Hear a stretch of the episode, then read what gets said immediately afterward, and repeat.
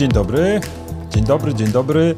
Witam Państwa w prawie do niuansu. Jarosław Kuisz. Naszym gościem dzisiaj jest Tomasz Terlikowski, doktor filozofii, publicysta. Może jakąś książkę wymienimy? No, możemy wymienić ostatnią moją książkę Koniec Kościoła. Koniec Kościoła, znacie. no to za to cię... Jaki znacie. Za, okay. za to cię duchowni kochają, prawda? Bardzo uwielbiają mnie, to jest miłość szczera Proszę Państwa, proszę Państwa, jeszcze tytułem wprowadzenia jak zawsze dwa słowa. Końcówka, prawda, składania pitów bardzo, bardzo gorąco przypominam o tym, że y, trzeci sektor żyje z 1%. Naprawdę, proszę Państwa, to nie są żadne żarty. Czasy y, są ciężkie z różnych powodów i Państwa decyzja o tym, żeby 1% przeznaczyć dla nas jest bardzo ważna. Podobnie jak dziękuję zawsze za wsparcie darowiznami, darowiznami cyklicznymi i polecanie naszych, naszych audycji. A my dzisiaj będziemy rozmawiać y, temat wojna w Ukrainie, a religia.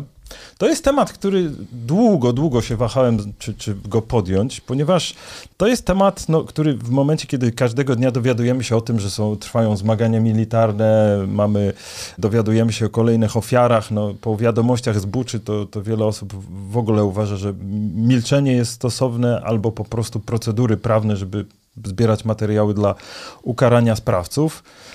Ale jednak muszę powiedzieć, że tygodnie mijają i wydaje mi się, że to byłby zbyt duży słoń w pokoju, gdybyśmy nie porozmawiali o tym, że ta wojna ma także tło e, wyznaniowe i że ono wcale nie jest takie zupełnie drugoplanowe. Może pierwszoplanowe są zmagania militarne i cierpienia ludności, ale z całą pewnością e, dla Władimira Putina przy podejmowaniu tej decyzji, jakkolwiek byśmy nie myśleli o niej, że to są jakieś szalone wizje i zupełne zlepianie historii, to jednak kiedy Władimir Putin próbuje zrealizować swoją wizję Wielkiej Rusi, no to nie jest to Ruś, prawda, bezwyznaniowa, tylko to jest Ruś, w której cerkiew prawosławna odgrywa ważną rolę i on po prostu nawiązuje do tych koncepcji hen, hen. Wiadomo, że Putin lubi taką prostą wersję historii. Przez setki lat sobie tam swobodnie podróżuje. No i to jest, prawda, powrót do tej koncepcji, którą historycy namierzyli, że e, pojawia się po raz pierwszy historycznie w Moskwie koncepcja trzeciego Rzymu na początku XVI wieku. I w zasadzie to jest coś, czemu Putin hołduje. To jest e, myśl o tym, że będziemy budować wielką Ruś, która będzie nie tylko imperium militarnym, nie tylko imperium geopolitycznym, ale także imperium, które ma swoje wyznanie i swoją tradycję religijną. I chciałem Ciebie zapytać o to, jak Ty zanim przejdziemy do, do, do, relacji pomiędzy Watykanem, prawda, a Cyrylem, jak ty widzisz ten element właśnie budowania władzy przez Putina za pomocą religii, za pomocą Kościoła prawosławnego, ponieważ on naprawdę lubi pokazać się w telewizji podczas ceremonii. Zacznijmy od tego, że on nawet w uzasadnieniu tej wojny, w tym pierwszym orędziu, tuż przed jej wywołaniem, przed wywołaniem operacji specjalnej, jak on mhm. mówi, używał argumentów religijnych. Mówił, no że właśnie, będzie bronił ukraińskiej cerkwi prawosławnej, patriarchatu moskiewskiego, która rzekomo ma być prześladowana w tym kraju. Jego współpracownicy, to przede wszystkim Cyryl, rozszerzali ten argument, ale on się pojawił po raz pierwszy i w wypowiedzi samego Władimira Putina, i w wypowiedzi patriarchy Cyryla w roku 2014 po aneksji Krymu. Oni mhm. wtedy po raz pierwszy powiedzieli, że aneksja Krymu jest elementem budowy ruskiego świata, ruskawa mira, jak mówią Rosjanie, to ten mir jest kłopotliwy, bo my go tłumaczymy albo świat, albo pokój. O pokoju to nie można to mówić. O pokoju nie można mówić, ale pamiętajmy, że z ich perspektywy pokój będzie wtedy, jak no, cały świat, a przynajmniej cała przestrzeń cyrylicy, bo nawet nie języka rosyjskiego, tylko cyrylicy będzie rzeczywiście w ramach owego E, świata i tam będzie panować patriarcha moskiewski. Natomiast jakbyśmy się mieli cofnąć wcześniej, to rzeczywiście trzeba się cofnąć prawdopodobnie e, do tego wieku XVI, a być może nawet trochę wcześniej, do momentu, kiedy e, po soborze floreńskim Kijów przyłącza się do Unii z Rzymem, a Moskwa, mhm. która jest, pamiętajmy, córką Kijowa, pierwszym tak, tak, kościołem tak. na tych terenach, jest Kijów. Odrzuca tę decyzję i można powiedzieć, decyduje się o tym, że będzie niezależną metropolią, uzyskuje zatwierdzenie od e, Konstantynopola, a po jakimś czasie wszystko wskazuje na to, że kupuje mhm. Swoje zwierzchnictwo nad Kijowem, który był przecież ich e, cerkwią matką. Kupuje od patriarchy Konstantynopola. Oto się toczy bardzo ciekawy spór kanoniczny między Konstantynopolem a Moskwą. Czy kupili na stałe czy na, na... Czy na jakiś czas od tego zależy uznanie kanoniczne i stanowisko wobec prawosławnej cerkwi Ukrainy. Ale to zostawmy. Na ile to jest, e, bo zadałeś pytanie dotyczące tej wojny, e, na ile Putin e, rzeczywiście tą kartą religijną rozgrywa? No mhm. rozgrywa nią i to wielokrotnie. My wiemy, że odkąd został prezydentem, wielokrotnie pojawiał się w cerkwi. Miał nawet telewizji, tak, w telewizji, tak. Prawda? Miał nawet takiego swojego mm, ojca, zakonnika, księdza, który był jego takim ojcem duchowym. Z niego e, śmiano się, że on e, wszystkich w swojej tej łaźni, czyli w mhm. chrzcielnicy zanurza, bo wszyscy bliscy współpracownicy Putina, bo Putin był prawdopodobnie to jest element jego mitologii. On to opowiada ochrzczony w dzieciństwie przez swoją głęboko wierzącą mm. babcię. No ale pamiętajmy, wielu jego współpracowników, no to są przecież e, byli kagibiści, e, byli wysocy funkcjonariusze partii komunistycznej. Oni nie byli chrzczeni. W związku z tym, żeby móc być z nim blisko, to musieli dać się poddać rytowi chrztu. Czy on był polityczny, czy on był religijny, to zostawmy, nie chcę wchodzić w ocenę no ale osobistej właśnie, religijności właśnie, ale widzisz, za, zacząłeś od historii. Wydaje mi się, że to trzeba by było podkreślić, że w przypadku Moskwy, oddzielanie tego, co polityczne od tego, co y, religijne, ma bardzo cienkie podstawy, bo teoretycznie można, ale w praktyce, jak się patrzy na całe stulecia, to dla wzmocnienia władzy cara, e, no toczono zażartą walkę, trochę tak jak Putin, rozpisaną na dziesięciolecia, a nie, że będziemy tam cztery lata kadencji, wybory, coś takiego, tylko rozpisaną na całe, na całe dekady walkę o to, żeby podnieść rangę Moskwy, bo to był, prawda, w ramach prawosławia, no to był, to był przez, przez długie lata podrzędny ośrodek. Nie toczyło się to bez powodu, nie toczyło się to tylko z powodów wyznaniowych, tylko jak najbardziej świeckich, po to, żeby podnieść rangę władzy cara. No, to jest jakby jeden element, ale drugi pamiętajmy, że generalnie ten moskiewski, moskiewskie myślenie o świętej Rusi bierze się z myślenia o świętym Bizancjum. Mhm. To są pierwociny. Bizancjum nie przeszło tego rozdzielenia, które najpierw łączyło się z tym, że papież wziął pełnię, a potem jakby zaczął oddzielać, zaczęła się oddzielać władza świecka. Najpierw związana z Grzegorzem Wielkim, a później z całym rozwojem średniowiecza, już o nowożytności nie musimy mm. mówić, ale tego rozdziału władzy nie było. świeckiej i duchownej. Car czy cesarz najpierw, miał bardzo wysoką pozycję wobec patriarchy Konstantynopola. On go nie tylko wypędzał, nie tylko go zatwierdzał, ale nawet były takie momenty w czasie liturgii, a to jest klucz do czytania mhm. E, znaczenia prawosławia. Nawet w czasie liturgii bywało tak, że on zajmował pierwsze miejsce wobec patriarchy, bo jak mówiono, był dwukrotnie pomazany. Pomazanie no to jest to, co w kościele zachodnim jest określane bierzmowaniem.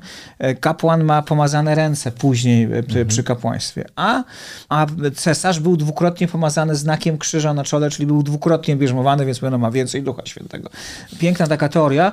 I Rosjanie, czy Rusini najpierw, bo to czy, czy Moskwiczanie, o tak powiedzmy, mhm przejęli oczywiście w całości tą, tą wersję. Tam się kilkakrotnie toczyły e, spory o to, czy mają być bardziej greccy, czy bardziej rosyjscy. Ostatni taki wielki spór to jest spór staroobrzędowców, e, którzy rzeczywiście wrócili do starorusińskich zwyczajów, ale wygrała władza tam. No właśnie, ewidentnie służy to wzmacnianiu władzy. No to po prostu i dla, tak. dlatego te proszę Państwa, żeby nie, nie było, że my tutaj troszeczkę sobie odlecieliśmy przez stulecia. Nie, nie, no po pierwsze Władimir Putin tego typu, e, prawda, uzasadnienia produkuje na tle historii, o czym przed chwilą przypomnieliśmy. I druga sprawa, dla wzmocnienia władzy, no reaktywował cerkiew po czasach e, komunizmu, bo w zasadzie jego tutaj dofinansowanie, prawda, zaangażowanie To powiedziałbym jest jeszcze bardziej skonstruowane, bo mm. przypomnijmy jeszcze dwa fakty. Króciutko, wiem, że nie tak, możemy tak. wejść tylko w historię. Pierwszym jest Piotr, e, zwany w historiografii rosyjskiej Wielkim no to jest człowiek, który y, kompletnie podporządkował cerkiew państwu. To znaczy, mówiąc zupełnie wprost, skasował patriarchat i w jego miejsce powołał luterańską formę zarządzania kościoła, jakim był święty synod. Mhm. Przez prawie 200 lat cerkiew prawosławna była zarządzana w modelu luterańskim. To trzeba zupełnie jasno powiedzieć. Rządził nią świecki zazwyczaj oberprokurator. Tak, czyli, czyli administracja państwowa. Administrator, prawda? tak. Biskupi oczywiście byli. 1917 rok to jest wskrzeszenie patriarchatu z bardzo pozytywną postacią patriarchę Tichona, ale krótko potem komuniści doprowadzają do jego śmierci, bolszewicy doprowadzają do jego śmierci. Nie pozwalają wybrać nowego patriarchy. Tam się pojawiają tak zwani strażnicy tronu patriarszego, z których ostatnim, ostatecznie mhm. zatwierdzonym przez władzę jest Sergiusz, metropolita Sergiusz, który w zasadzie wchodzi w całkowitą współpracę z Józefem Stalinem, bo to są już lata 30. On to argumentuje w ten sposób, że inaczej cerkiew przestałaby istnieć, ale ona cały czas jest prześladowana. Znaczy, mhm. Trzeba pamiętać, w zasadzie prawie wszyscy biskupi poza kilkoma są w więzieniach, duchowni są pozbawieni wszystkich praw, ich dzieci również, no albo są jest, zamordowani. Tak, są, jest, jest, w wymiarze ziemskim konkurencyjnym ośrodkiem Tak, władzy, jest prawda? dokładnie tak, także w wymiarze powiedziałbym religijnym czy parareligijnym. No I tak. to się zmienia w momencie wybuchu Wielkiej Wojny Ojczyźnianej. W tym momencie Józef Stalin decyduje się Także po to on przecież wie, że masy ludowe e, Związku Sowieckiego są wciąż religijne. To jest nielegalne, ale, e, ale jak mają umierać, to prędzej będą umierać za matuszkę Rosję i pobłogosławieni przez duchownych prawosławnych niż za Lenina. Za Lenina. No, to, to, jeszcze nie był ten moment, więc on, może powiedzieć, pozwala się odrodzić cerkwi prawosławnej. Niektórzy z biskupów wychodzą z więzień, nawet zostają generałami. Taki bardzo znana postać, e, święty Łukasz, notabene Wierchojasiński, to jest notabene półpolak, bardzo ciekawy ciekawa postać. Chirurg, znakomity, potem biskup, siedzi w więzieniu, znaczy siedzi w łagrach i po wybuchu wojny zostaje mianowany szefem dowództwa wojsk medycznych na całą Syberię. Potem go znowuż zamknął, e, już w areszcie domowym, ale to już e, dużo później. I Stalin otwiera ją z powrotem, pozwala jej rozpocząć działanie, wskrzesza e, patriarchat. Dopiero Chruszczow troszeczkę to ograniczy, ale generalnie już w tym czasie cerkiew jest po prostu narzędziem komunistycznego państwa. Służy ale do budowania Putin, polityki zagranicznej tak. i Putin przejmuje tą tradycję, pamiętajmy. On... To prawda, ale jednak 89 prawda, rok to jest e, no, dla nas przyjemność. Dla nich zdecydowanie dla nie. Dla nich zdecydowanie nie i tutaj jest coś takiego, że ta Putin w zasadzie mówi o obecnej wojnie jako zderzeniu cywilizacji, prawda? Takim huntingtonowskim językiem, tak jakby go Zachód obchodził z różnych stron.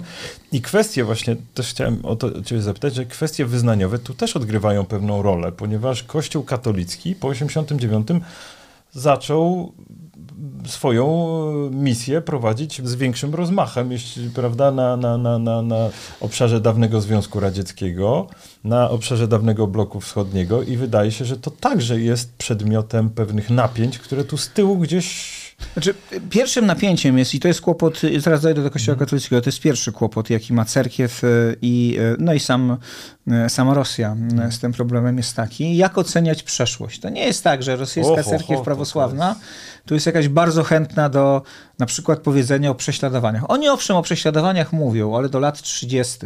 I wtedy rzeczywiście są dziesiątki tysięcy beatyfikowanych czy kanonizowanych świętych męczenników, łącznie z rodziną carską, która pamiętajmy tak. Mikołaja II jest e, kanonizowana w rosyjskiej cerkwi prawosławnej. Jest szeroki, rozpowszechniony kult tych świętych. Jest cały czas spór, czy te relikwie, czy te mm, zwłoki, które znaleziono są ich, czy nie ich, czy to już można czcić, czy nie, ale to zostawmy. Natomiast później generalnie jest potężny problem. Jak się posłucha kazań patriarchy Cyryla, to on na przykład o Wielkiej Wojnie Ojczyźnianej mówi jako znakomitym wydarzeniu w historii, także mm. cerkwi. Jeżeli mówi o Związku Sowieckim, no to wielkiego entuzjazmu nie, nie widać, ma, ale, ale, też ale... potępienia nie ma. Dlaczego? Dlatego, że no pamiętajmy, wszyscy w zasadzie biskupi prawosławni w tamtym czasie byli nawet nie agentami, mówimy agentami. Oni byli oficerami e, zupełnie otwarcie. Patriarcha Pimen był generałem KGB, patriarcha Aleksy II był pułkownikiem. No Zachował o Cyrylu się... się mówi, że e, Cyryl to jest rzeczywiście prawdopodobnie miał. Cyryl to jest już urzędnik zupełnie nowych struktur, raczej finansowych. I teraz rok 89, przełom, tam się dzieje kilka rzeczy. Po pierwsze, Rosja przestaje być imperium. A rosyjskie prawosławie jest również imperialne. Znaczy one ma oczywiście przepięknych, świętych, przepięknych teologów, ale raczej na zachodzie mhm. niż u siebie i raczej się ich u siebie nie czyta. Oni są towarem eksportowym. Evdokimow, Bułgakow, Florowski na przykład zamordowany, ale Floreński, Floreński zamordowany, Florowski to towar eksportowy. No i jeszcze moglibyśmy wymieniać wielu innych e, Czyli... takich teologów, ale oni są bardzo często na miejscu paleni na rozmaitych stosach, albo dużo mniej studiowani niż na uczelniach zachodnich. U siebie to jest jednak bardzo scholastyczne. My czasem nie uświadamiamy, jak głęboko, jeżeli gdzieś scholastyka przetrwała, to w prawosławiu rosyjskim i to w tym najgorszym wydaniu scholastyka, nie tam jakieś nowinki, neoscholastyk, jakiś Gilson, Maritain, nie, ordynarna, nawet nie średniowieczna, tylko już nowożytna scholastyka, którą wbijano w głowę i ona tam Może żyje to pomaga do tej pory. w zachowywaniu, wiesz, struktur władzy, no bo to w gruncie Ale rzeczy oczywiście, że tak. Nikt się nie wyróżnia. Wszyscy są podporządkowani. I teraz, jest I teraz wróćmy do tego, co się dzieje w tych latach 90. Tam się dokonuje pewne zjawisko. To znaczy, cerkiew się do pewnego stopnia, mm, nie można się na nią patrzeć, tak, do pewnego stopnia się autonomizuje. Podkreślam No. sformułowanie do pewnego stopnia. Tak? Re, znaczy, regeneruje też, prawda? No bo po wyjściu z komunizmu jest takie pytanie, prawda, kim my jesteśmy. W Rosji ono wybrzmiewa po prostu dramatycznie i szuka się takich sposobów, e, no e, dlaczego Putin wychwala Sołżenicyna? Bo to jest jeden z nielicznych pisarzy, który co prawda był prawda, antykomunistą, ale był antykomunistą z pewnych pozycji. To były twarde, tak. narodowe, prawosławne pozycje, które e, no, okazało się idą zdumiewająco ręka w rękę z tym, czego Rosjanie mogą potrzebować po 89 roku. A w każdym razie przypomnijmy, że Putin bardzo wysoko ceni sobie e, Sołżenicyna i zdaje się wdowa po Sołżenicynie bierze udział w różnych no ceremoniach. też pamiętajmy, że Sołżenicyn y, z czasów archipelagu Gułak, czy może z tekstów, które pisał i ten późniejszy, nie chcę powiedzieć, że są dwie różne osoby, bo oczywiście jest pewna ciągłość, ale jakby ktoś poczytał na przykład jego historię Żydów w Rosji, to mogłyby mu stanąć włosy dęba No, ale, na głowie. Ale rzecz, rzecz w tym, że on rzeczywiście jest ideologiem Sołżenicyn i wybitnym pisarzem, proszę państwa, to jednak powiedzmy sobie, że Oddział chorych na raka jest fantastyczną książką. I żeby nie było wątpliwości, to Eee, trochę więc- tak jak Dostojewski. Możemy spokojnie oddzielić jego literaturę od jego publicystyki. Mm, Więc, ale, ale e, rzecz w tym, że tak. teraz, teraz mamy do czynienia z taką sytuacją, że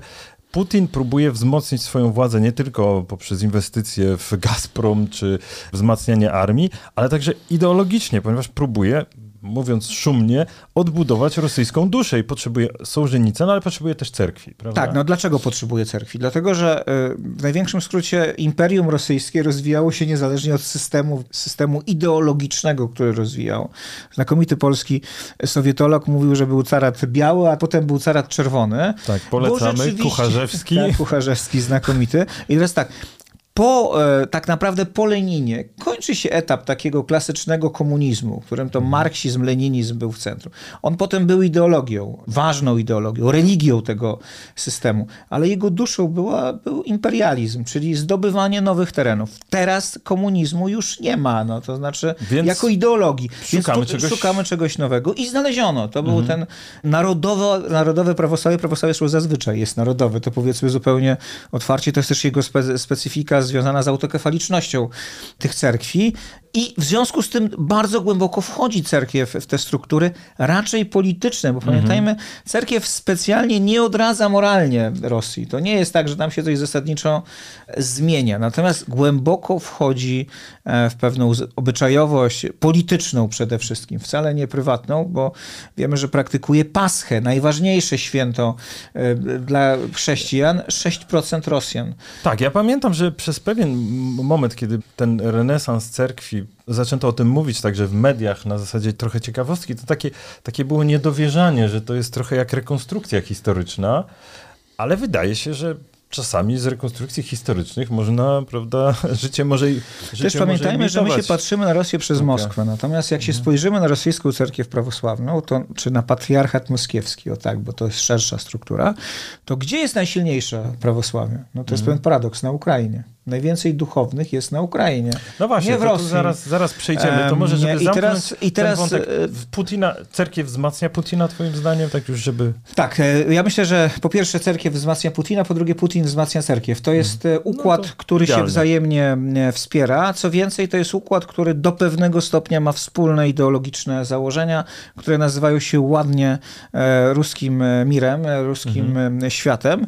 Em, Bez tej ideologii, bez tej wizji ideologicznej, w której prawosławie pełni funkcję nie religijną, tylko społeczną, ideologiczną tego projektu by nie było. To znaczy, bo, y, no bo w imię czego mielibyśmy budować ten nowy, lepszy e, ruski mir, jeśli nie w imię jakichś założeń ideologicznych, których nośnikiem jest cerkiew. I w tej roli występują tam również wszystkie te wartości konserwatywne. Żartobliwie można powiedzieć, że jeśli chodzi o rosyjską elitę, to wartości konserwatywne są od pasa w górę, bo w zasadzie wszyscy najbliżsi współpracownicy Władimira Putina prowadzą albo podwójne życie, lekko ukryte, ale media o tym wiedzą, albo zupełnie nieukryte, bo to dotyczy to No jeśli rekonstrukcja historyczna, to można powiedzieć, że to jest Nic się projekt, nie zmieniło od czasów, tak. projekt postmodernistyczny E, albo, No, ja bym powiedział za Mikołaja albo po II. prostu Miku- zwykła hipokryzja. O Mikołaju II też mówiono, że był najbardziej pobożny na swoim dworze, e, bo wiemy o jednej jego kochance takiej Mhm. na stałe i to raczej przed małżonką, zresztą dodajmy, którą bardzo chyba kochał.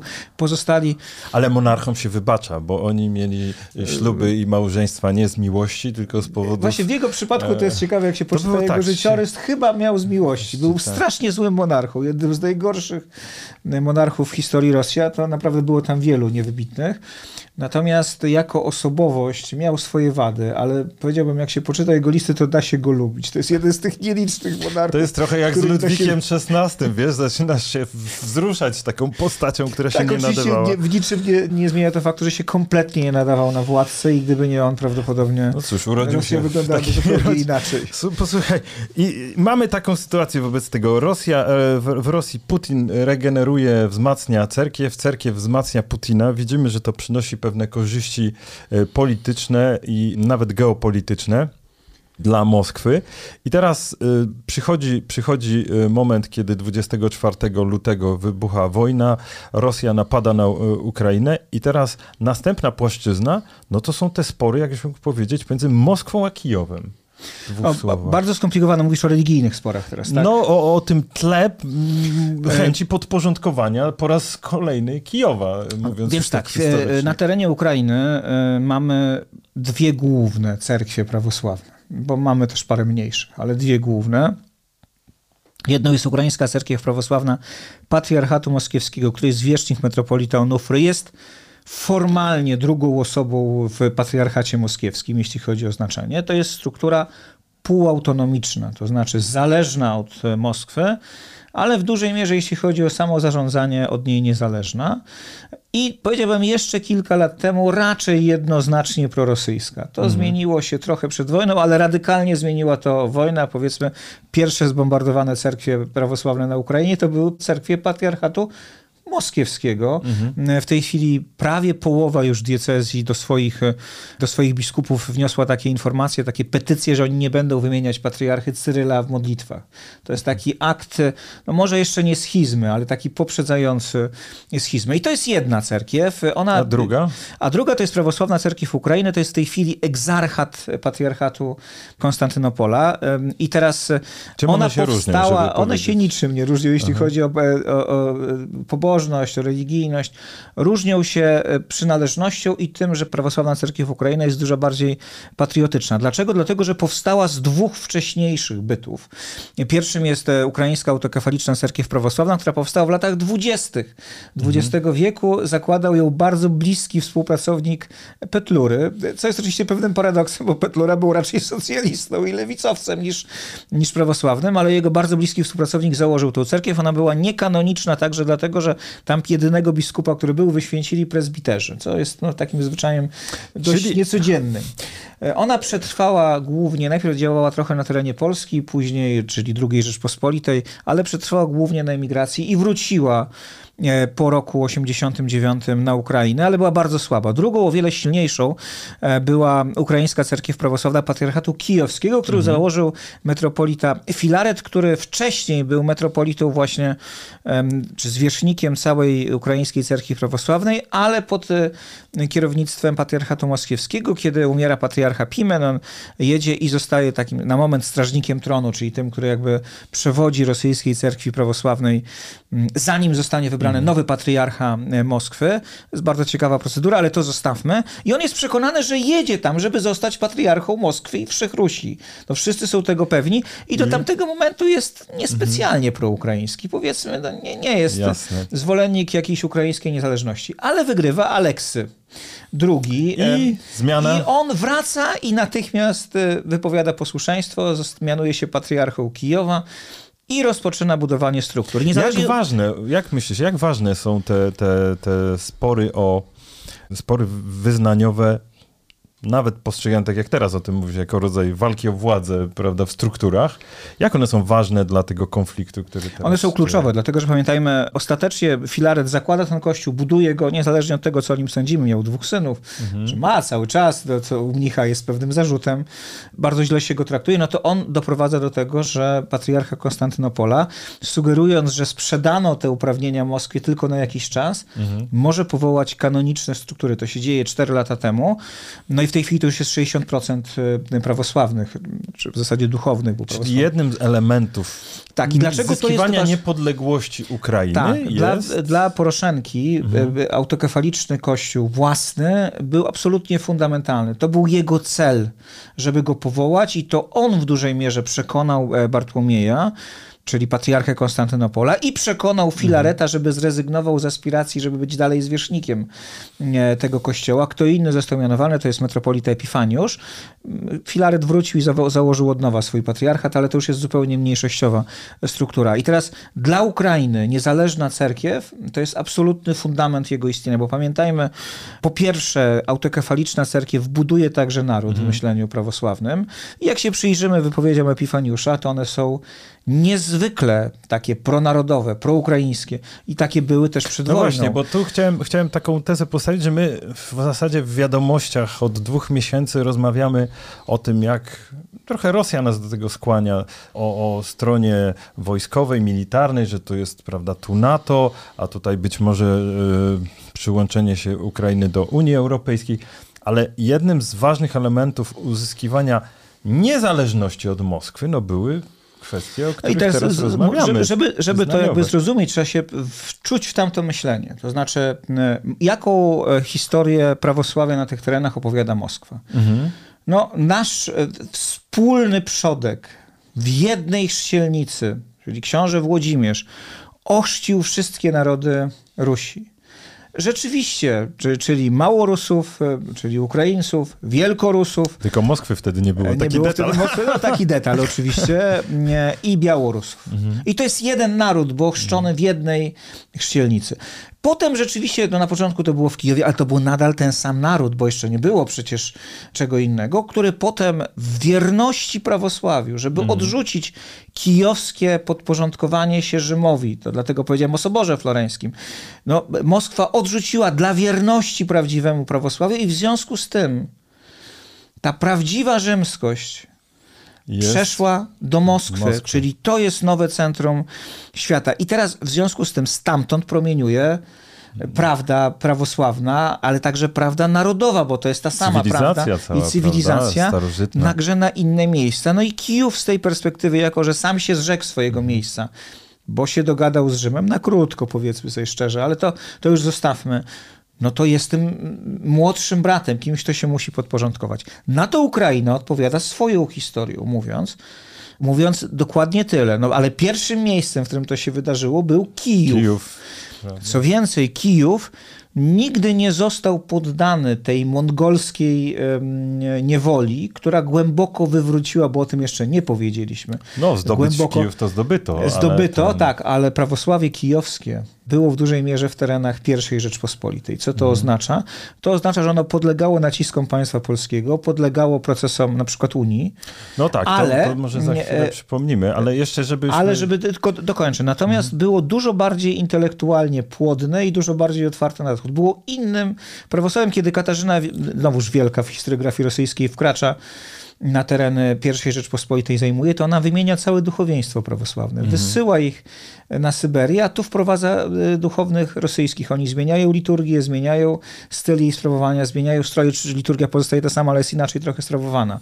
Czyli Dlaczego? mówiąc dla Dlatego, naszych... są różne prawosławia. Mówiąc dla naszych słuchaczy, najprościej te wszystkie skomplikowane tutaj historie, o których opowiadamy, Rzecz w tym, proszę Państwa, że nie tylko NATO, nie tylko Unia Europejska, ale także kwestie wyznaniowe mają ogromne znaczenie, dlatego że uniezależnienie się Ukrainy doprowadziło do furii na Kremlu. Tak, i jeszcze ostatnia rzecz. Znaczy, gdyby rzeczywiście te dwie cerkwie, to nie jest prosty proces, dlaczego to może nie tutaj miejsce mówić, e, bo to jest skomplikowana, mhm. kanoniczno-teologiczna analiza, ale gdyby te dwie cerkwie się połączyły, czyli Ukraińska Cerkiew Prawosławna i Prawosławna Cerkiew Ukrainy stworzyły jeden byt y, kościelny, to się może zdarzyć, ale nie sądzę, żeby bardzo szybko się zdarzyło, to w tym momencie rosyjska Cerkiew Prawosławna, jeśli chodzi o liczbę praktykujących wiernych, duchownych i parafii, staje się nawet nie drugą, mhm.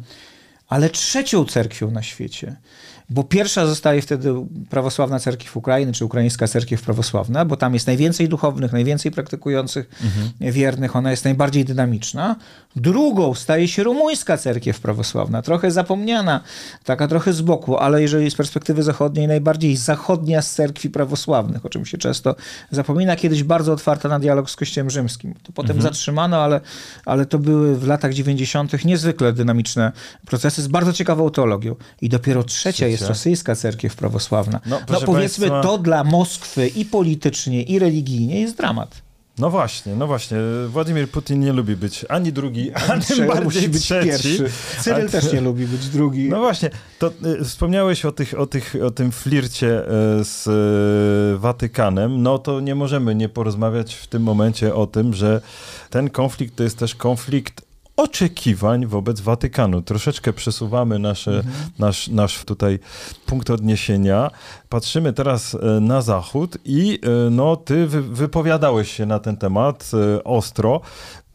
Zaczynając może, może najprościej, czy Watykan ma kłopot z wojną w Ukrainie? Ma potężny kłopot. Na czym on polega? On rozgrywa się na bardzo wielu polach. Moim zdaniem, po pierwsze, Watykan ma poważny problem i teraz mówimy o nim jako o państwie, mhm. bo jest państwem Czyli i ma w porządku ziemski, ziemskim tak, jesteśmy. Tak, mówimy wyłącznie o poziomie ziemskim. Po pierwsze, ma poważny problem z diagnozą sytuacji międzynarodowej. W największym skrócie, to jak się czyta teksty zarówno samego papieża Franciszka, te oficjalne, magisterialne i wywiady, ale również jak się czyta jego bliskich współpracowników, kardynała Parolina, e, ojca Antonio Spadaro, czy do choćby profesora Andrea Riccardiego, to widzimy, że on ma taką wizję, oni wszyscy mają taką wizję, że świat jest wielobiegunowy i mhm. że, że trzeba skończyć ze światem jednobiegunowym, czyli z tym światem, w którym dominują Stany Zjednoczone. I to jakby y, te procesy się dzieją, to, to nie będziemy się spierać. No. Natomiast na czym polega błąd perspektywy? Właśnie, Otóż bo ty napisałeś, perspektywy... że dyplomacji stolicy apostolskiej nie da się obronić. No więc no, dlaczego nie na da czym się polega obronić? Błąd, błąd perspektywy? Otóż na tym, że stolica apostolska zakłada, że wszystkie te bieguny są takie same, jeśli chodzi o kwestie moralne. Mówiąc inaczej, mhm. papież Franciszek nie bez racji zarzuca Stanom Zjednoczonym często w polityce międzynarodowej hipokryzję i mówi, jeśli oni są hipokrytami, no to Rosjanie są hipokrytami, Chińczycy są hipokrytami, wszyscy są hipokrytami. Ale w Kłopot polega wojny... na tym, że Władimir Putin nie jest hipokrytą. On nie realizuje wojny na Ukrainie, bo jest hipokrytą i jest niewierny wartościom, które wyznaje, tylko wręcz przeciwnie.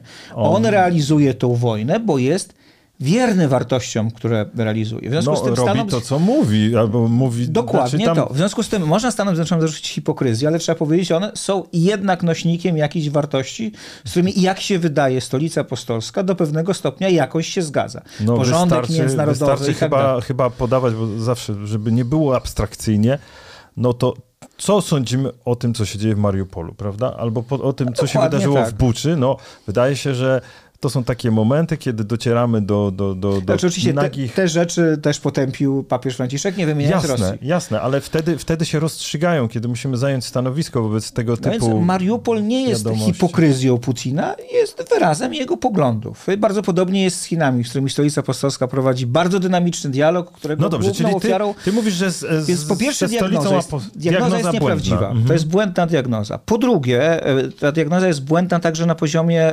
doktrynalnym, to znaczy u jej podstaw leży przekonanie, że trzeba rozmawiać z Cyrylem, bo przez niego możemy wpłynąć na Putina i musimy z nim rozmawiać, żeby prowadzić dialog z cerkwią prawosławną w ogóle. Mhm. To jest błąd, bo jak powiedziałem, za chwilę cerkiew prawosławna rosyjska będzie trzecia, a nie pierwsza, a dialog z Cyrylem jest bezproduktywny, bo jak chcemy dialogować z kimś o tym, jakie ma być rosyjskie prawosławie, to tak naprawdę podmiotem decydującym o tym, jaki on jest, jest oberprokurator nadal, a jest nim Władimir Putin, a nie patriarcha Cyryl.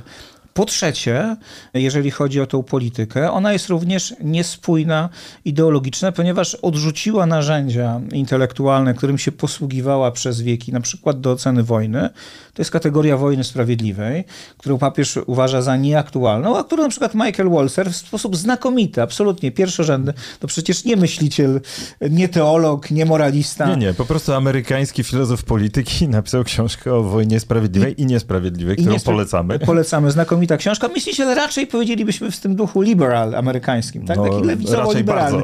Tak, zdecydowanie tak. piszący też znakomite książki o lewicy amerykańskiej, bardzo ciekawe. I on pokazuje, dlaczego my nie mamy lepszego narzędzia do uchwycenia. No, a Stolica Apostolska mówi, to nie jest narzędzie prawdziwe, musimy mm z niego zrezygnować.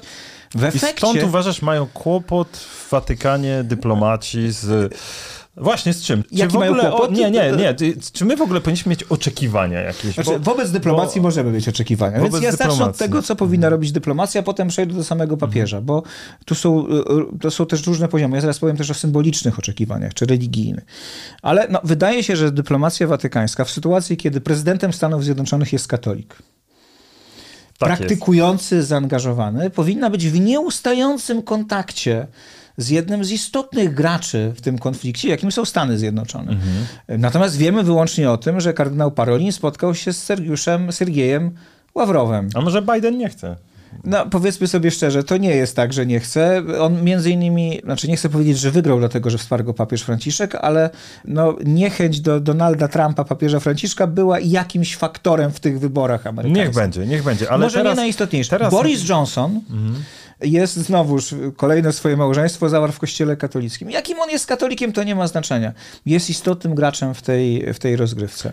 I znowuż nie słyszymy o nieustającym... że, że politycy, którzy... Chcę powiedzieć, że dyplomaci watykańscy spotykają się wyłącznie ze stroną rosyjską, przynajmniej tylko Aha. o tym wiemy, Aha. a nie prowadzą szerokiej dyplomacji. No dyplomacja Właśnie, nie polega dlaczego? na tym... Może mają, ludzie, prawda, spekulujemy teraz w Polsce, że może jakieś interesy nie pozwalają na to, żeby zadzierać, że, że że ta dyplomacja watykańska z zachowaniem wszystkich proporcji nie tak bardzo różni się od jakichś kunktatorskich zachowań różnych państw europejskich, które po prostu wolą nie zrywać tak gwałtownie, no bo trzeba może to wszystko prowadzi do zerwania z Rosją więzi, ale e, złośliwi powiedzą, interesy... że Rosja ma bardzo dobre wtyki i bardzo dużą wiedzę o tym, co się działo w Watykanie. Książka Martela pewne rzeczy ujawnia, ale ja nie chcę mówić teraz o podejrzeniach. Tak? Nie, ja nie wiem, nie chodzi o złośliwość. A mnie chodzi, tylko, a mnie, nie, jest tak, popatrzmy się na dyplomację. Interesy Watykanu są takie, żeby nie zadzierać. No, interesy się... Watykanu są takie, żeby nie zadzierać i one są takie z kilku powodów. Po pierwsze, to jest oczywiście sytuacja katolików w Rosji, to jest bardzo mhm. często wracający argument. Ja nie sądzę, żeby Putin się zdecydował zrobić z katolikami to, to zrobił ze świadkami Jehowy, a zrobił mhm. kilka lat temu. To jest taka lekcja, którą rosyjskie wyznania znakomicie od, odrobiły. W zasadzie wszyscy... Przypomnij, co zrobił? No po prostu skasował, wyaresztował, bardzo mocno ich prześladował. Czyli teraz... można po prostu zostać instytucjonalnie zlikwidowany. Tak. Czy on by był to w stanie zrobić w stosunku do kościoła katolickiego? Nie sądzę, ale mhm. no, groźba jakoś tam wisi. Po drugie, to są relacje z rosyjską cerkwią prawosławną. Już komuniści opracowali fantastycznie model manipulowania stolicą apostolską za sprawą hierarchów prawosławnych. No, y, warunkiem uczestnictwa jako obserwatorzy prawosławnych rosyjskich y, w Soborze było to, że Sobór nie potępi komunizmu. Mhm. I nie potępił. Zrobiono wszystko, no to... żeby tego nie zrobił. I to jest drugi element. Trzeci element to jest fakt, że stolica apostolska musiała się z powrotem przeorientować na zachód i wydaje się, że tutaj sobie nie radzi. O ile dyplomacja stolicy apostolskiej nieźle sobie radzi w krajach afrykańskich, tam widzimy parę razy, na przykład w Sudanie to, słuchaj, Południowym. może, so, może nie ma się co dziwić wobec tego, że Watykan jest taki lakoniczny. Wiesz, ja na to patrzę jednak z zewnątrz i tak sobie myślę, że jeżeli tak poważne interesy przemawiają za tym, żeby się ukryć w język, to może, nie wiem... No, no ale mamy interesy z drugiej strony. Mamy interesy mhm. z drugiej strony. Bardzo bardzo dużo rzeczy się dzieje na Ukrainie i wydaje się, że jeżeli chce się prowadzić dialog z cerkwią prawosławną, to Konstantynopol, Kijów, to i Bukareszt, to powinny być kierunki, które przynajmniej trzeba prowadzić, ale ich się nie prowadzi. Czyli mamy, dla ciebie to jest niezrozumiałe trochę, Mamy tak? 8%, jeszcze jeden element, no. mamy 8% grekokatolików na Ukrainie z metropolitą Światosławem, e, którzy no, przez wieki składali daninę krwi także za wierność papieżowi i bardzo wielu z nich, się z nimi rozmawiam, czuje się głęboko odrzuconych przez stolicę apostolską. Jeden z nich mówi, gdyby nam teraz nasz patriarcha, bo oni arcybiskupa Światosława nazywają patriarchą, powiedział, łączymy się z prawosławną cerkwią Ukrainy, to my byśmy to zrobili od razu. To są oczywiście słowa, to są emocje, ale takie myślenie w, tej, w tym kościele jest od kilku lat. Więc może się okazać, że te bliskie relacje z Moskwą skończą się tym, że Kościół katolicki straci bardzo dużo na Ukrainie. Po trzecie, Czwarte. e, po czwarte, e, jak się spojrzymy na dyplomację, to co jest jedynym depozytem, taką wartością dyplomacji watykańskiej? Wiarygodność. No i teraz można zadać pytanie, czy w społeczeństwach zachodnich taka postawa buduje wiarygodność stolicy apostolskiej, czy nie buduje? Papież Franciszek był papieżem, który był bardzo silny Czyli sympatią liberalnych tutaj. społeczeństw jasne. i nagle to stracił. No jeżeli ale New York wiesz- Times go krytykuje za to, No. Ale wiesz, to jest zawsze tak, że ci li, bardziej liberalni papieże, to, to jest, oni są trochę zawsze ofiarami tego, że dla liberałów oni będą zawsze za mało liberalni. to jest oczywiście- to jest oczywiście a dla, prawda, A dla ale- konserwatystów z kościoła ale będą z w ogóle... perspektywy O, dyplomatów, czy z perspektywy polityki, stolica apostolska ma wartość, ma Mhm. znaczenie, jeśli jest wiarygodna. Jeśli ją traci, to nie jest. A teraz przejdźmy do wymiaru symbolicznego, bo on jest też istotny. no właśnie, bo był skandal, prawda, z pomysłem Watykanu. No, zrealizowanym pomysłem. No właśnie, no, No to jest, i to jest właśnie przykład tego, że to jak... przypomnij tylko. Tak, w największym skrócie stolica apostolska wpadła na genialny, to jest cudzysłów oczywiście, Cudzysłów, tak. pomysł, żeby 13 stację Drogi Krzyżowej poprowadziły dwie przyjaciółki, Ukrainka i Rosjanka i to miał być taki znak, gest pojednania. Przeciwko tej decyzji i przeciwko tej modlitwie, bo ona była znana wcześniej, nie, zaprotestowała najpierw ambasada Ukrainy, która do tej pory bardzo ostrożnie się wypowiadała w tych sprawach. Potem zaprotestował arcybiskup Światosław, czyli zwierzchnik ukraińskiej cerkwi grecko-katolickiej. Potem zaprotestowali biskupi łacińscy Ukrainy, a na koniec odciął się od tego pomysłu nuncjusz apostolski w Kijowie, czyli y, no, ambasador stolicy apostolskiej. Więc stolica apostolska co zrobiła? Wykasowała modlitwę, ale Ukrainka i Rosjanka szły nadal. I teraz to jest istotą... No nie mówiąc, nie mówiąc o tym, że w Polsce to wywołało...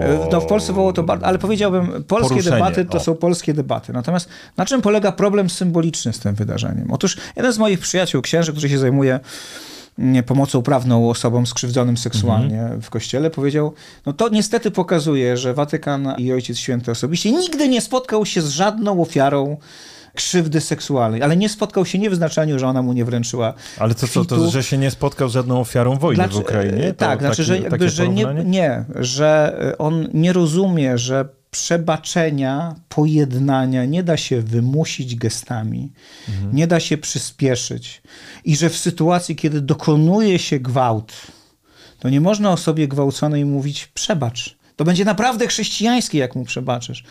Tylko trzeba jednak po pierwsze skończyć z działaniem krzywdzącym, dać chwilę czasu, bo e, procesy pojednania, przebaczenia się toczą zarówno w wymiarze psychologicznym, czysto psychologicznym, jak i duchowym. One się po prostu nie dzieją od tego, że ktoś wpadnie na pomysł, że spowoduje pewien symbol, że, że pokaże pewien symbol. Co więcej, tego typu działanie jest wtórną traumatyzacją dla, dla tych osób. To znaczy, to jest taki akt, który mówi Ukraińcom, albo przebaczycie na, teraz, już, w tym momencie, no albo no co z was za chrześcijanie.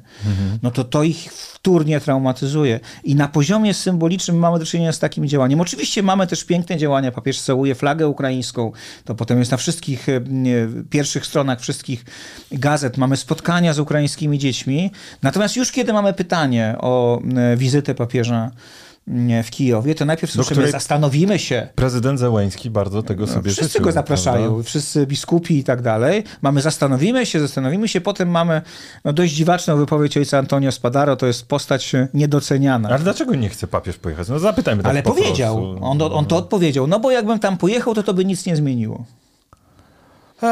Odpowiedź e, arcybiskupa i dalej e, mogłoby nawet zaszkodzić pojednaniu. I dalej mamy, na to odpowiedział, znakomitą jest wypowiedź biskupa Edwarda Kawy, to jest franciszkanin z Lwowa, w tej chwili biskup pomocniczy, człowiek, który był nawet przez jakiś czas kapelanem e, e, oddziałów ukraińskich, czyścił dla nich kible. To była taką wstrząsającą opowieść o tym, jak żeby się zaprzyjaźnić, po prostu poszedł e, czyścić szalety.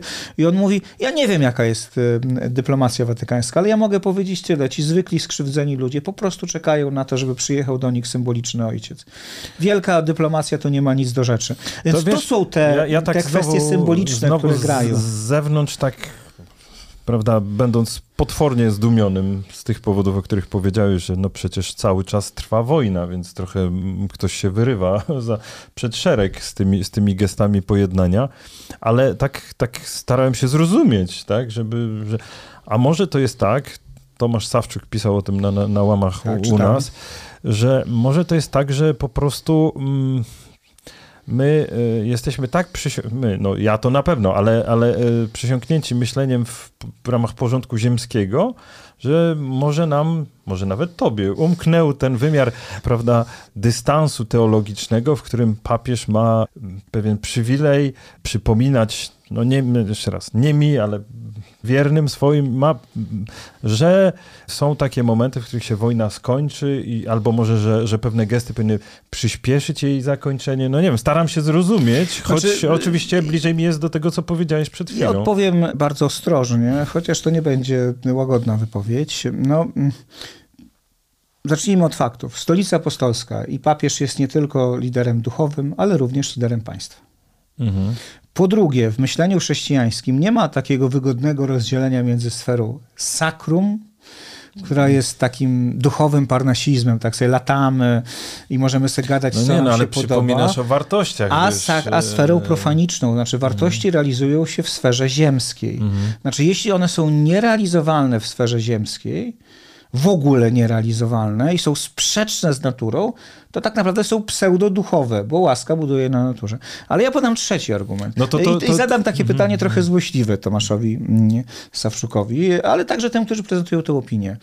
No w takim razie, czy jeśli do księdza, do spowiedzi przychodzi kobieta, która jest regularnie bita i gwałcona przez swojego męża, bardzo mocno przemocowo, a on jej w tym konfesjonale nie mówi, kobieto, zgłoś rzecz na policję. Mhm. To jest twój obowiązek, bo musisz siebie chronić. Siebie, swoje dzieci, także sprawiedliwość. Odejdź od niego, żebyś była bezpieczna. Nie musisz się rozwodzić, to oczywiście jest niezgodne z nauczaniem Kościoła, ale odejdź od niego. To znaczy zrób wszystko, żebyś mieszkała osobno, no, żebyś ratuj, była bezpieczna. Ratuj, ratuj siebie i swoje dzieci. Tylko mówi jej, musisz przebaczyć. Przyjdźcie do mnie jutro, stańcie mhm. przed ołtarzem, a ja was pobłogosławię na nową jedność. To czy ten ksiądz zachowuje się bardzo ewangelicznie i duchowo, czy zachowuje się kompletnie nieewangelicznie, bo proponuje coś, co jest kompletnie niezgodne z Wiesz, no, rzeczywistością. No, mnie nie musisz przekonywać nie, do ale tego. ja tylko zadaję to pytanie, a, dlatego, Tomasz że... Moim... Stawczuk co innego miał na myśli, ja nie będę się wypowiadał za niego. Ja... Rzecz w tym, że, że po prostu Pamiętam, próbował on, zrozumieć... On, próbował postawić taką tezę, że papież jest papieżem w sferze e, postnowoczesnej, podczas kiedy patriarcha Cyryl mhm. jest e, takim przednowoczesnym. W gruncie rzeczy Natomiast twoja ja... krytyka Kościoła jest jeszcze mocniejsza niż jeżeli się ona odbywa z zewnątrz. O tak bym powiedział, bo z zewnątrz właśnie zastanawiamy się nad tym, e, co Kościół robi w porządku ziemskim, co robi w porządku teologicznym, a ty Natomiast... domagasz się konsekwencji, po prostu konsekwencji. Ja się no, domagam słowa, tylko tego, czyny, myśli żeby, razem, tak? żeby yy w płaszczyźnie dyplomatycznej domagam się wyłącznie wierności własnym zasadom i pragmatyzmu politycznego, mhm. a w przestrzeni duchowej domagam się tego, żeby chrześcijańska duchowość nie była takim niebiańskim parnasizmem, takim mhm. odejściem od ziemskości, tylko jednak, żeby była zakorzeniona w świecie doczesnym, bo nasza wiara realizuje się w tym świecie, nie gdzie indziej. Czy wobec tego na koniec powiedziałbyś, że widzisz jakieś e, przebłyski w tym? W tym znaczy, ja powiem tak, bo myśmy mówili dużo o, o, o, stolicy apostolskiej. To jest naturalne w takim czasie. No wiesz, ten spór był głośny, no to nie, nie jest tak, że... Nie, że, ja że, wiem, że, ale mnie chodzi o coś innego, że w naszych czasach turbopapiestwo, jak to nazywają nasi wspólni koledzy niektórzy z Histianitas, to jest dość naturalne, że mówiąc Kościół mamy na myśli papież. No ale jeżeli hmm. się spojrzymy na to, co się dzieje w Ukrainie, to zobaczymy tam gigantyczne zaangażowanie kościołów różnych, hmm na bardzo różnych polach. Ja nie mówię tylko o pomocy humanitarnej, która idzie cały czas. Idzie z różnych stron, żeby nie było. Nie idzie tylko od kościołów. Mhm. Idzie także od organizacji świeckich, od najróżniejszych instytucji. Ale bardzo często nawet te świeckie instytucje, niektóre ostatecznie trafiają gdzieś tam na dole do jakichś parafii prawosławnych, katolickich, grekokatolickich. No wiesz, jest one... wojna i wtedy zawieszamy jest różnice. Nie, ale mnie chodzi tylko o to, że ta praca mhm. jest wykonywana. Jeżeli chodzi o duchownych liderów prawosławia i katolicyzmu e, na Ukrainie, to Epifaniusz e, z Konstantynopola, Onufry z Kijowa, Światosław z grecko-katolickiego kościoła i także biskupi e, katolicy jednym głosem wspierają Ukrainę. Mhm. Bardzo mocno. Onufry kilka dni temu miał taki pomysł, nie doszedł do skutku, żeby Wielki Piątek, bo nie dało rady, nie, Rosjanie nawet nie, nie dali się sformułować tej procesji, żeby Wielki Piątek, ten prawosławny Wielki Piątek Wschodni, żeby duchowni, biskupi, świeccy właśnie ukraińskiej cerkwi prawosławnej, tej moskiewskiej, wyruszyli w drogę do Azowstalu i stamtąd mhm. wyprowadzili takiej procesji pokutno-krzyżowej, wyprowadzili ciężko rannych, e, e, wynieśli ciężko rannych i wyprowadzili cywilów. To się nie udało, bo od razu ich ostrzelali, nie pozwolili im się nawet to sformułować. To brzmi jak pierwsza krucjata w ogóle. To, e, trochę. to brzmi... ta ludowa. Brzmi, powiedziałbym, no, rzeczywiście profetycznie. To się nie udało, można powiedzieć, żeby od początku było naiwne, ale jest jakąś propozycją. I oni tam są. Jeżeli metropolita Światosław mówi o takim no, ale zdaniu... co to, w jakim to świetle stawia już tak na koniec? Jak papiestwo, papiestwo słabym. No bo... Słabym, ale pamiętajmy, ja zawsze się pocieszam myślą, że taka rola symboliczna papiestwa, jaką mamy, to jest ostatnie 150 lat. Kościół miał papieży, których w ogóle nie było widać, nawet nie było wiadomo, kto jest papieżem i sobie radził i poradzi sobie i teraz. Natomiast niewątpliwie z perspektywy i Watykanu, i papieża Franciszka, i szerzej Kościoła w Europie, to są decyzje, które będą miały długofalowe skutki. Dlaczego? To jest końcówka pontyfikatu papieża Franciszka. No, jak powiedział kiedyś Leszek Miller, prawdziwych mężczyzn poznaje się po tym nie jak zaczynają, ale jak kończą. Ale to co, masz oczekiwania tak już Nie, kończąc, mam oczekiwania, że, że, że ten nie, nie mam oczekiwań, że coś się zmieni. Moim zdaniem ten pontyfikat zostanie zapamiętany w dużej mierze przez perspektywę tej wojny. Niesprawiedliwie i niesłusznie, ale tak działa pamięć także mhm. medialna. Po drugie, te decyzje Watykanu przełożą się na pogłębienie procesów laicyzacyjnych w krajach, które jeszcze nie były do końca zlaicyzowane. W tym także przyczynią się do decyzji części Ukraińców. Oczywiście i na nich, e, na te decyzje będzie wpływać generalnie głównie dramat wojny. Te pytania, mhm. które oni zadają są oczywiste. Gdzie jest Bóg? Dlaczego nas zostawił, jeżeli nie działa teraz, to kiedy będzie działał? To są pytania, które no zadają tak, to są ludzie takie w ogóle pytania, w prawda, wojny. które my, my tak e, sobie w kulturze przenosimy z II wojny światowej, a Ale teraz, dla nich to a teraz są pytania Mariu, z dzisiaj. Mariupol, to są prawda? pytania z dzisiaj, nie tak, tam żadne jakieś tam z dawna. I pamiętajmy, tak, po tak, II tak. wojnie światowej w Polsce procesy laicyzacyjne także były związane z tymi pytaniami. Je się udało odwrócić po roku 56 wielką taką krucjatą ewangelizacyjną, obchodami Wielkiego Milenium i tak dalej, ale one były całkiem realne.